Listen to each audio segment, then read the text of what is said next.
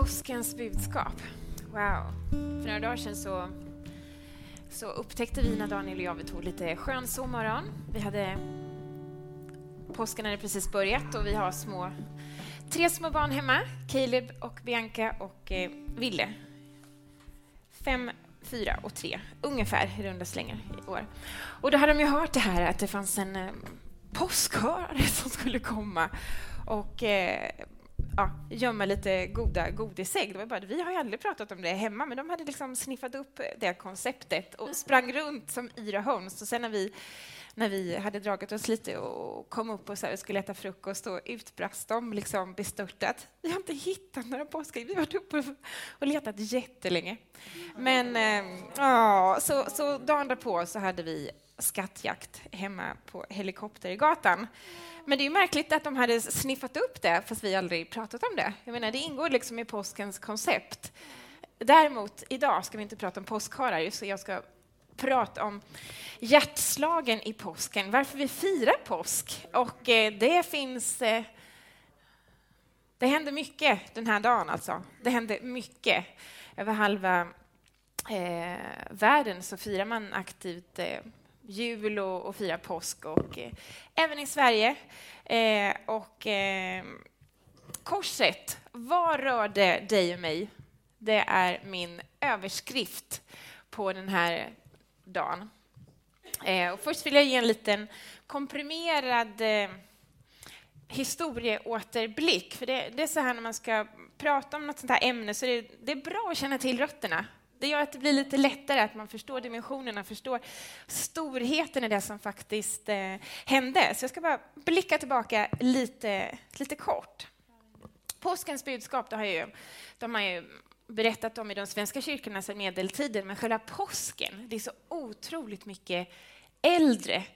Eh, och eh, vad gäller eh, eh alltså påsken, varför, varför judarna... Alltså, judarna firar ju påsken idag och det är inte till... Då pratar man inte om eh, att Jesus dog och att han uppstod, utan de pratar om Pesach, eh, påsken. Det betyder passera förbi. Och då, då firar de det Gud gjorde när han Alltså den här mäktiga befrielsen när eh, hebreerna hade varit eh, slavar alltså under 400 års tid i Egypten. Och så Ehm, så befriade Gud dem genom Mose. Den här berättelsen känner ni säkert igen. Och det var väldigt dramatiskt. Och, eh, den här natten som blev själva vändningen för den här, för den här befrielsen, det var ju faktiskt eh, huvudgestalten var ju faktiskt ett lamm. Ett oskilt, ett felfritt lamm. Och det hade alla, alla familjerna av hebreerna, de hade fått, eh, de hade fått instruktionerna att Eh, innan natten kommer så ska ni slakta ett felfritt lamm och eh, blodet ska ni ta så ska ni bara stryka det över eh, dörrposten i ett hem. Och det ska bli tecknet för att ingenting ont kommer hända er. Men däremot hos de andra familjerna i Egypten så mm, så var det väldigt många som eh, dog. Det var alltså en otroligt laddad eh, historia. Eh, men även där så är alltså, där var huvudgestalten ett lamm. Och några tusen år senare, när Gud sätter i verket den här stora räddningsaktionen, och då är det inte bara en nation, utan då är det ett, eller ett, ett litet folk, utan då är det en hel mänsklighet som Gud eh, vill befria och rädda. Även då så är det, då ser man bara tillbaka, så är det lammet. Alltså, något oskyldigt, något felfritt. Jesus Kristus blev slaktad på Golgata kors som ett lamm. Eh, och det var bra att bara känna till den här alltså, parallellerna. Eh, eh, men jag hoppar snabbt eh, vidare. Så varför behövde Jesus dö? Ja, men titta på Jesus, han hade ju tre års karriär. Han var han tillhörde ett av världens mest eh, förföljda folk. Han födde sitt stall. Hans mamma var tonåring, förmodligen, när hon fick honom. Han, de första två åren i, i hans liv så var, han, så var han flykting. Så han hade ju väldigt goda odds. Eh, men alltså om man tittar på vad som har hänt, alltså vår tidräkning är bestämt faktiskt från Jesu eh, födelse. Man pratar om ett före och ett efter, alltså noll eh, före och efter Kristus. Bibeln det är, ett, en av världens, det är världens mest spridda och världens mest lästa bok idag. Halva, över halva världen firar traditioner som påsk och jul som är starkt förknippat alltså som verkligen med, med Jesu liv. Och, eh, svårt att, att, bedöma hur många som är troende, men man brukar säga runt en miljard som, som är aktivt troende och en två miljarder till som, som kallar sig för, för kristna. Otroliga mängder av människor.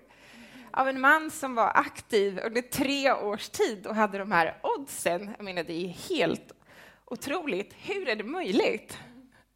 Hundratusen människor bestämmer sig varje dag för att eh, följa Jesus och bli en Jesu efterföljare.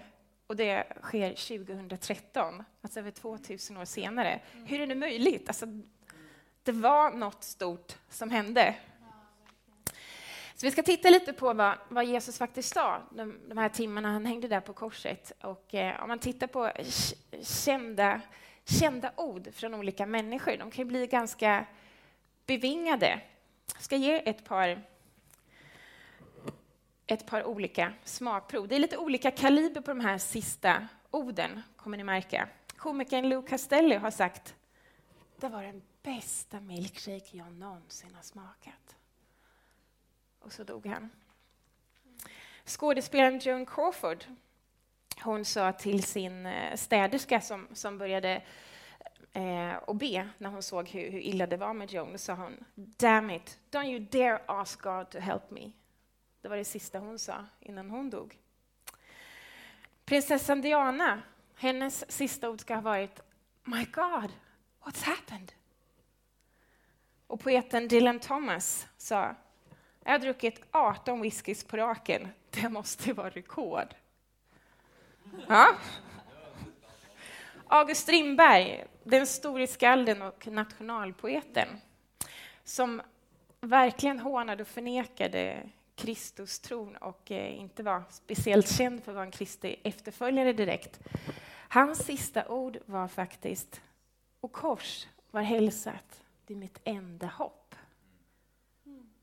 Så någonting hände där som gjorde att det var det sista som kom ut ur skallens eh, mun. En tredjedel av evangelierna upptas faktiskt av eh, alltså beskrivningar av Jesus sista vecka. Om man läser dem tillsammans kan man få en väldigt god förståelse och, och bild av vad som faktiskt hände. Mm. och jag vill titta på, jag har fem punkter idag, de är inte speciellt långa men de innehåller väldigt mycket gott så att jag vill att ni lyssnar idogt. Ta gärna notes på er eh, telefon eller om ni har med antecknings anteckningsboken.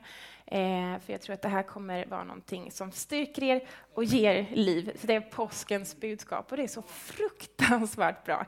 Så vi hoppar direkt in i första punkten. Eh, det är från Lukas 23, 33 och 35 och jag läser. När de kom till den plats som kallas skallen korsfäste de honom och förbrytarna, den ene till höger och den andra till vänster. Och Jesus sa, Fader, Förlåt dem, de vet inte vad de gör. De delade upp hans kläder och kastade lott om dem. Folket stod där och såg på och rådsmedlemmarna hånade honom och sa Andra har han hjälpt. Nu får han hjälpa sig själv om han är Guds Messias, den utvalde. Fader, förlåt dem, för de vet inte vad de gör. Det sa Jesus när han hade hängt där. Vad som hade hänt precis innan var att det hade skett en, en rättegång, som en skenrättegång. Det hade skett under natten. Rättegångar ska inte ske under natten, men överste prästerna de ville att det skulle gå snabbt, för de visste att alltså när gryningen kommer, när det blir ljust, folket vaknar, då har Jesus stödet från folket. Han var omtyckt av många. Han hade gjort så mycket gott, berört så många människor. Det var många som visste han är speciell. Eh, så de ville röja honom ur vägen innan det blev gryning. Eh, och, eh, det var många som mutades. Eh, man försökte hitta fram eh, bevis, hitta fram eh, olika vittnesmål som kunde bara stärka att Jesus eh, Han hade gjort något fruktansvärt, han hade gått emot de judiska reglerna och nu kunde de döma, honom till, dö till döden. Så den här mobben, den var, det var inte någon liten lugn mobb, utan den, det var ett starkt hat som drev. Och det här hade Jesus precis varit med om timmarna innan. Och det finns ju olika filmer om detta. Det är så otroligt starka upplevelser. Alltså det är så att man bara blir chockad över det hatet och hur, man förlöjlade honom. Alltså man blir, jag blir så arg när jag sitter där. Bara så, fruktansvärt, alltså vilket hat som drev dem. Och det här hade, hade pågått timmarna innan. Alltså misshandel, misshandel och pryglandet. När Jesus säger de här orden, Fader förlåt dem, de vet inte vad de gör. En bön. Så vad hade jag sagt? Fader, ta bort dem. Fader, ta bort mig. Va? Alltså för mig räcker det med lite PMS för att jag ska vakna upp och bara känna att jag har fis på tvären och det här blir en dålig dag. Man sätter sig i bilen och bara... Hela världen håller den bilföraren på. Alltså finns det ingen som kan köra här i Stockholm? Vad är det med? Alltså att man bara tänder till. Man stannar någonstans, svänger in, ska köpa en macka och så där. Är det någon som går före mig i kön? Alltså, vad håller på att hända med den här världen? Va?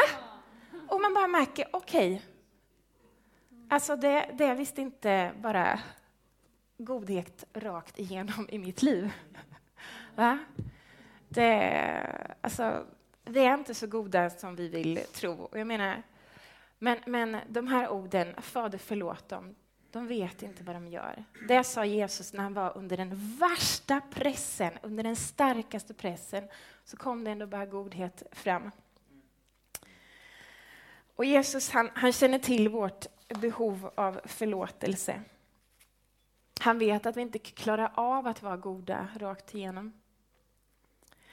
Och jag har ett, eh, ett exempel när jag på riktigt nära håll har fått se en människa som riktigt förtvinat av, eh, av skuld som behövde förlåtelse. Jag jobbade ett tag på ett fängelse och då fick jag komma väldigt nära en, en familj. Jag var hemma hos dem och framförallt så fick jag lära känna den här mannen som var intern på fängelset. Eh, under otroligt tragiska omständigheter så hade han eh, tagit livet av den människa som han älskade mest i livet, sin egen fru, eh, mamman till deras två gemensamma barn. Eh, det hade pågått mycket tråk tråkigheter och så snedtände han, han minns inget av det, men eh, på grund av alkohol och allt bara svartnade så insåg han allt för sent att han hade avslutat hennes liv.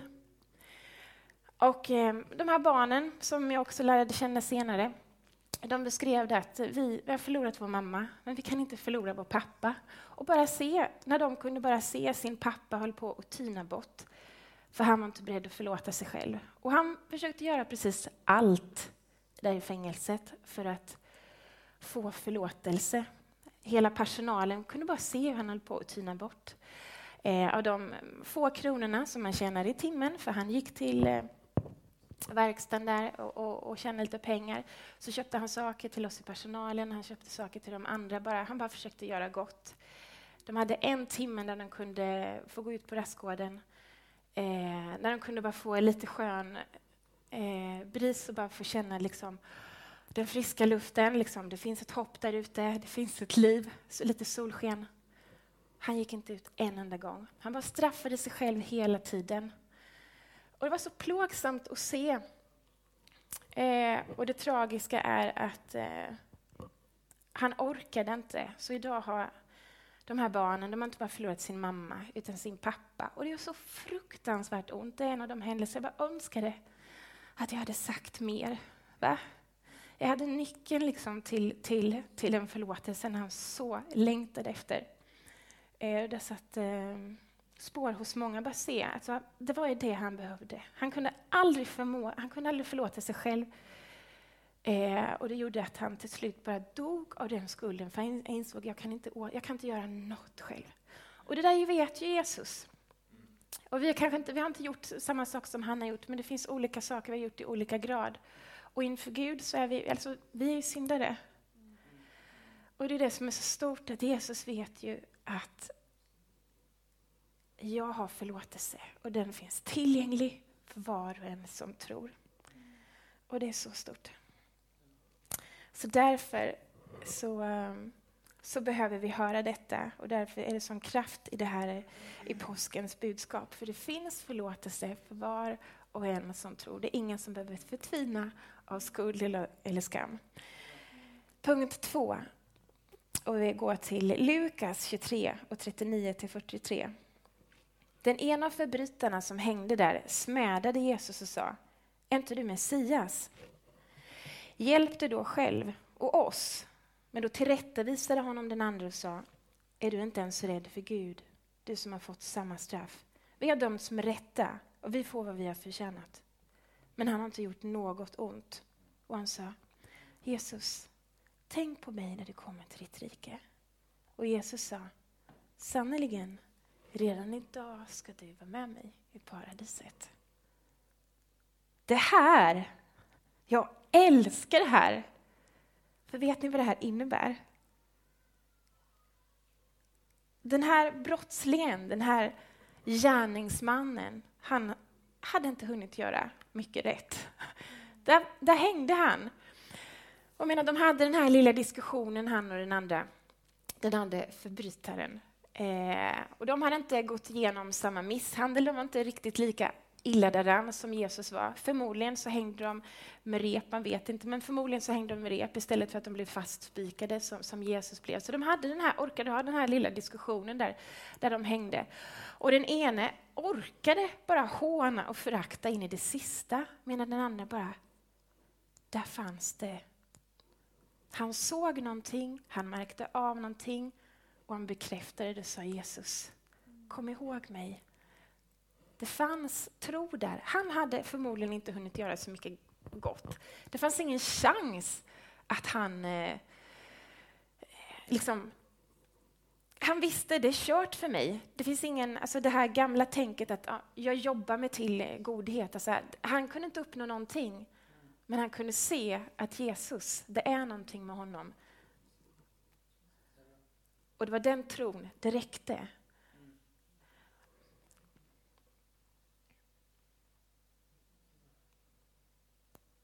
Så det största med det här som jag vill nämna bara det är att, för han var ju en loser, det måste vi erkänna. Men där i ett nu så inkluderas han genom sin korta önskan, genom, sitt, genom sin lilla tro. Eh, ofta tänker man så här, ah, men jag är väl i alla fall, jag menar det är ingen som vill man vill inte förknippas med att man är en eh, gärningsman, inte förknippas med att man är en eh, kriminell. Och det kan vara liksom lite gött så här, känna, men jag är faktiskt lite, jag är lite bättre än han i alla fall. Jag är faktiskt lite bättre än vad hon är. Och jag menar, det är faktiskt inte så illa ställt med mig. Men det är en väldigt eh, klen tröst, för det räcker inte till. Och när, jag, när det bara slog mig, när jag fattade, och fick tag på det här att, att jag är inte jag är inte en syndare för att jag syndar. Utan jag syndar för att jag är en syndare. Alltså hela mänskligheten, alltså, på grund av, av, av det som hände där i början. Som vi kan läsa om i Första Moseboken. Så är det något som har blivit riktigt felställt med mänskligheten i vår möjlighet att nå att nå Gud, att ha en relation med honom, att kunna ha fred med oss själva och, och, och, fred med Gud. Vilket gör att vi, vi gör hela tiden fel, mer eller mindre. Det bara sitter i oss. Vi är inte goda. Jag skulle önska att jag var lite godare än vad jag är. Man försöker jobba liksom på mika sig lite, snygga till sig lite på, liksom, i sitt eh, moraliska sätt att leva.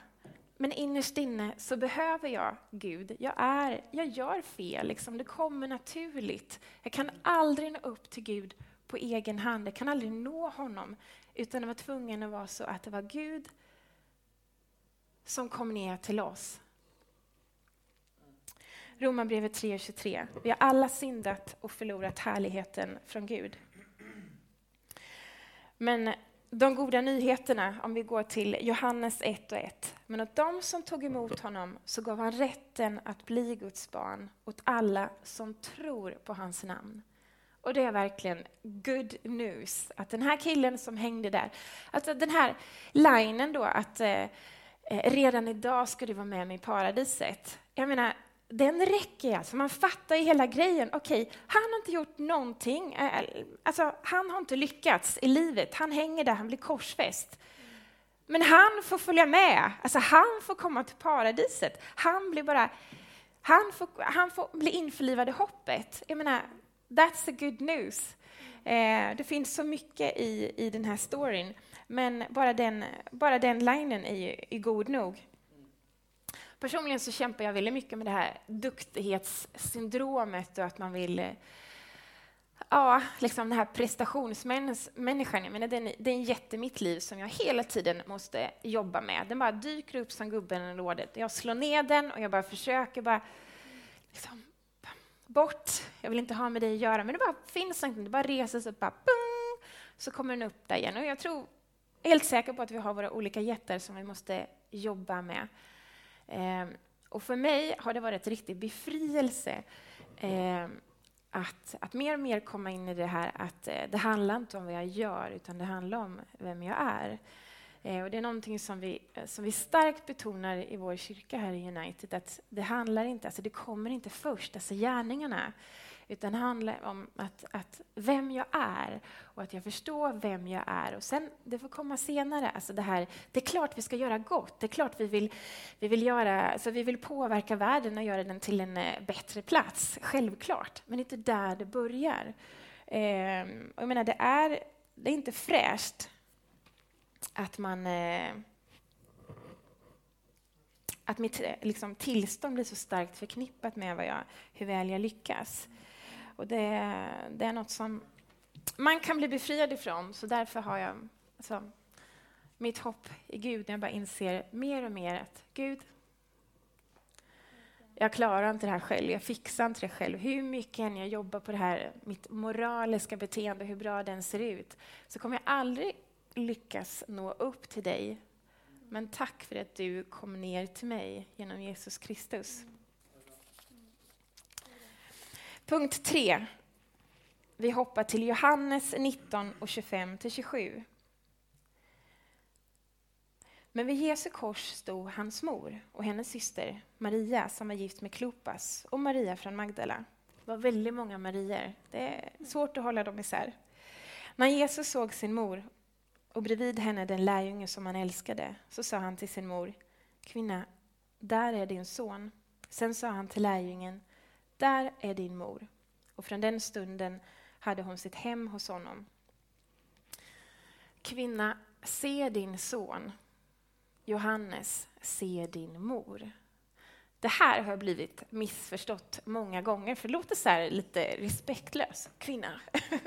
Men det var det inte alls, utan det var faktiskt det var ett sätt. Alltså när man sa så, kvinna eller man, det var lite som engelskans sir, madam.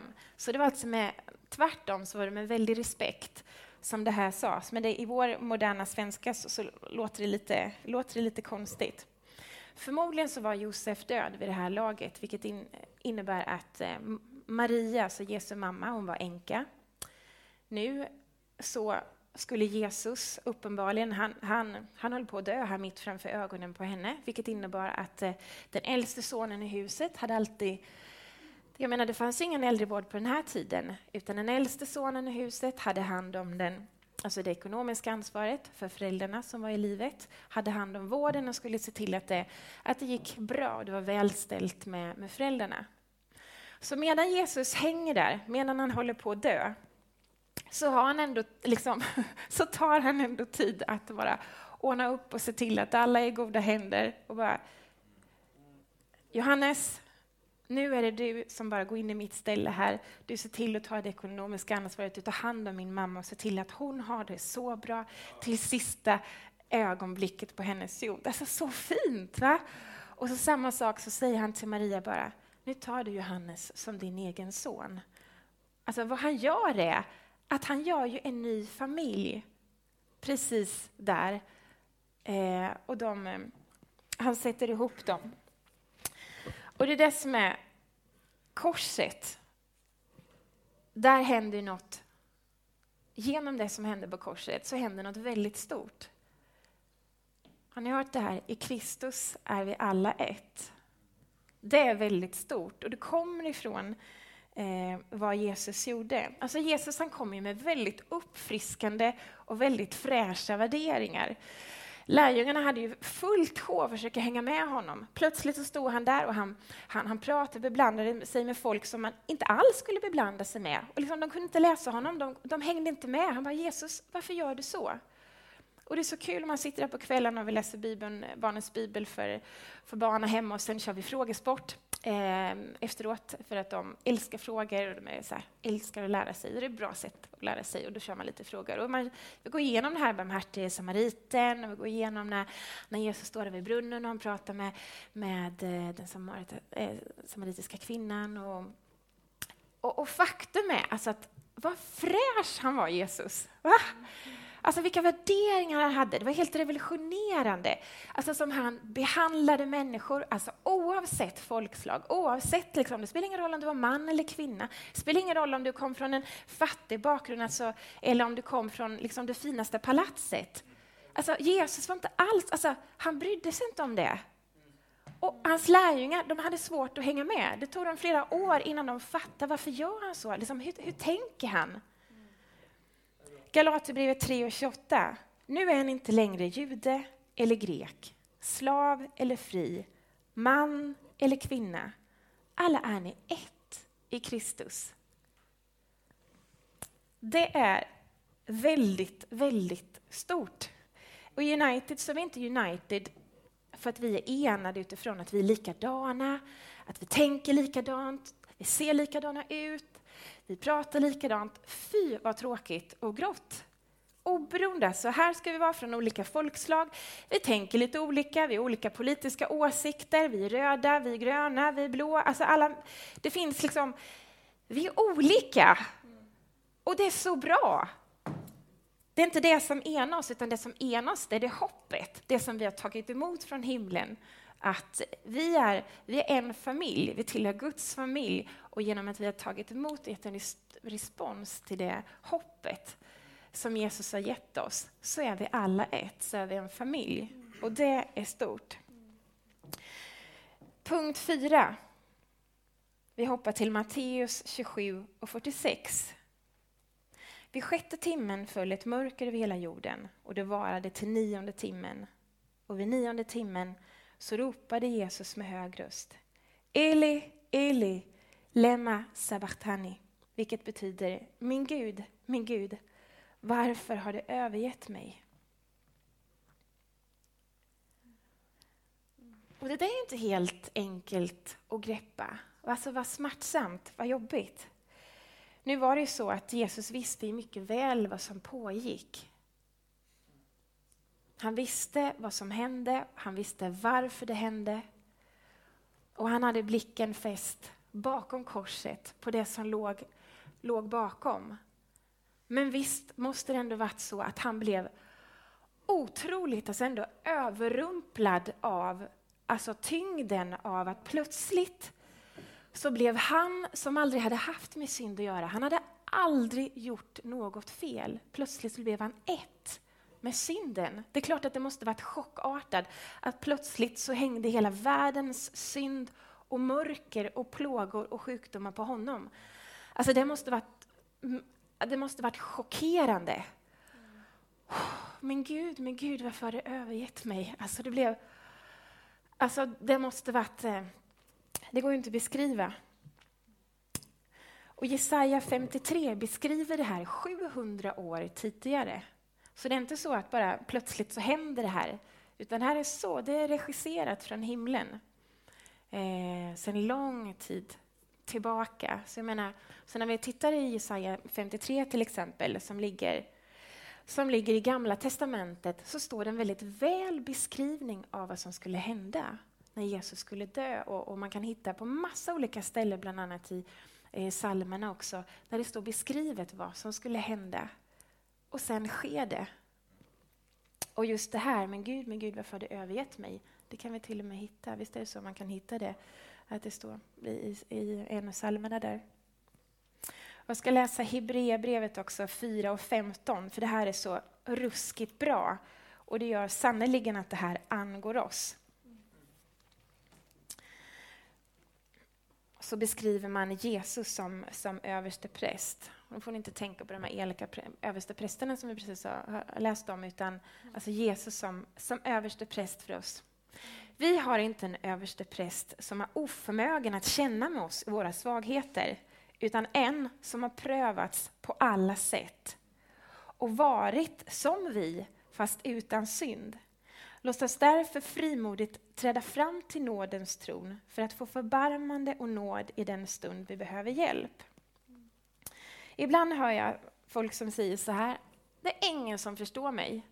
Och Gud, han är bara så långt borta, han verkar inte bry sig alls över min situation. Han, han, liksom, han bryr sig inte alls. Han är där borta, han fattar ingenting, det är ingen som förstår mig.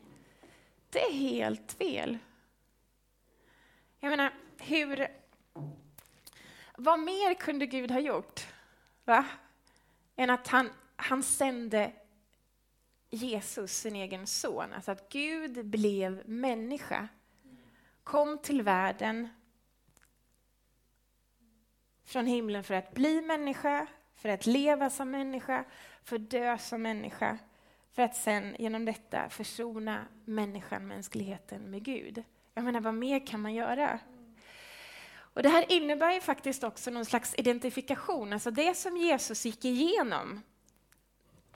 Vi behöver, oavsett hur vi känner oss, så, så är det faktiskt då att Jesus, han om någon har känt allt det där tunga. När jag sitter där och har lite ångest över något som jag ska göra eller någonting som har hänt, då är det faktiskt inte så mycket eh, jämfört med vad, Jesus har varit med om. Så jag, jag, kan inte riktigt säga det, även om jag känner så kan jag inte riktigt säga men Jesus förstår inte. Liksom. Han, han förstår inte. Han har faktiskt varit med om det tyngsta. Han har burit alla världens tyngder över sitt liv. Vilket, vilket ger mig ett enormt hopp, för jag vet att jag kan alltid komma till honom och han förstår mig. Och det vi läste där i Hebreerbrevet 4 och 15. Därför kan ni frimodigt, alltså jag kan bara komma som jag är med mina bekymmer och, och, och allting, jag kan komma till honom. Och han kopplar med mig, han vill koppla med mig. Linda, berätta, give it to me, tell me. Han vill ha det, han vill att jag kommer till honom, hellre att jag drar mig bort från honom. Eh, och det, det är stort.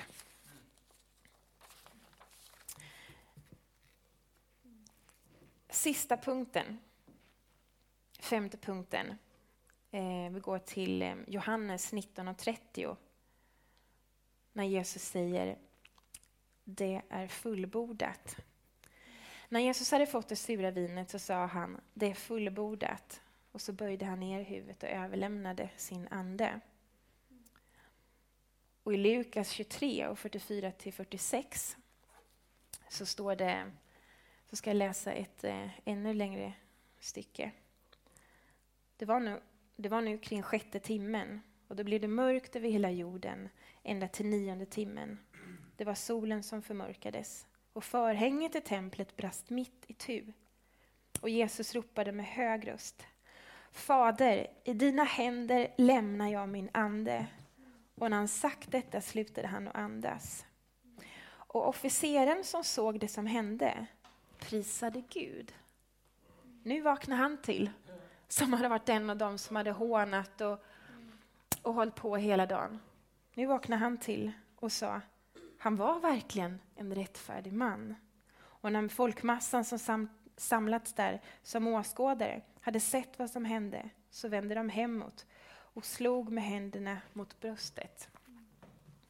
Som var ett eh, sätt att visa sorg på den tiden. Full, det är fullbordat. Det påminner mig om... Men hallå, det var ju inte, det var inte på grund av vad Judas gjorde, att Judas gick och källade.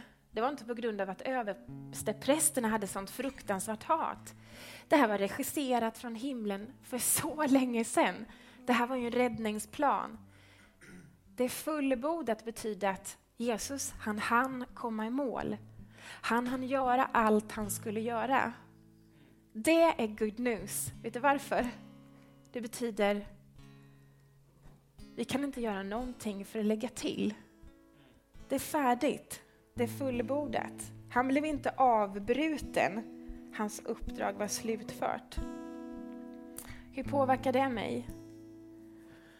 Ja, Gud han kommer alltid förhålla sig till mig, inte utifrån vad jag har gjort för honom, utan för vad Jesus har gjort för mig. Gud förhåller sig till det. Va? Att vad Jesus har gjort för mig, inte vad jag har gjort för Jesus. Det är stort. Jag har gett min respons. Gud han har knackat och velat ha min uppmärksamhet. Och efter ett tag så vaknade jag till och gav min respons, vilket gör att jag idag har bestämt mig för ett antal år sedan att jag, Jesus, jag vill att det, det är dig jag vill följa. Fader, i dina händer överlämnar jag min ande. Det här är väldigt häftigt. Han ger alltså frivilligt upp sitt liv. Det var ingen som tog det. Och Det står jättetydligt i Johannes 10, 17-18. Nu blir det mycket bibelord. Men jag behöver inte lägga till så mycket, för det finns så mycket stoff i Bibeln man bara kan läsa rakt av. Och det, det är så tungt och så gott i sig. Och där, där, där säger Jesus, ingen har tagit mitt liv från mig. Jag ger det av fri vilja. Jag har rätt att ge det och jag har rätt att få det tillbaka. Det är vad min fader har bestämt för mig. Han visste vad som skulle hända. Det här var ju en överenskommelse mellan Gud och Jesus. Alltså de, de gjorde det här tillsammans. Det kan låta så grymt. Hur kunde Gud göra det här? Men de visste vad som låg bakom korset. Det var en räddningsaktion för hela mänskligheten.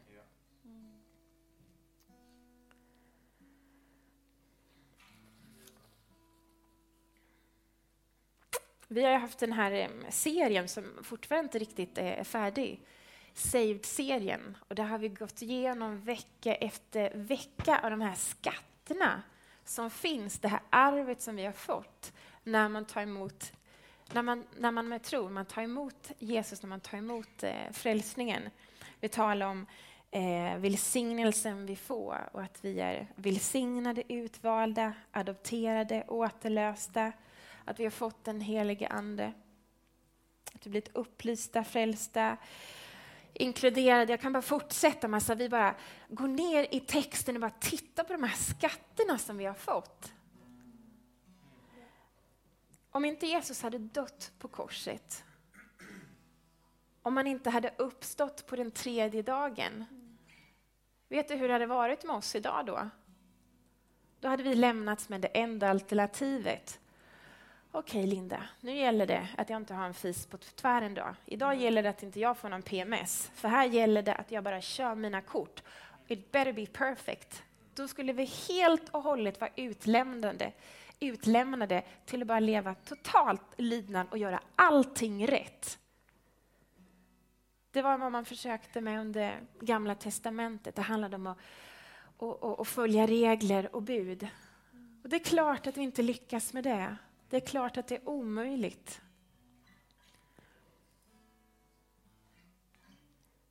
Och religioner världen över berättar det är det här du behöver göra för att kunna nå det gudomliga. Bara följ det här, gör så här, ändra det här och jobba på det här. Självklart så vill jag komma vidare i mitt liv, det är inte det det handlar om. Självklart så behöver vi jobba på saker. Men det är inte där det hänger. Jesus, till skillnad från att han sa du måste göra det här, du måste göra det här, du måste fixa upp dig här. Så sa han, jag tar hand om det. Kom till mig, jag fixar det. Och så gör vi det här tillsammans.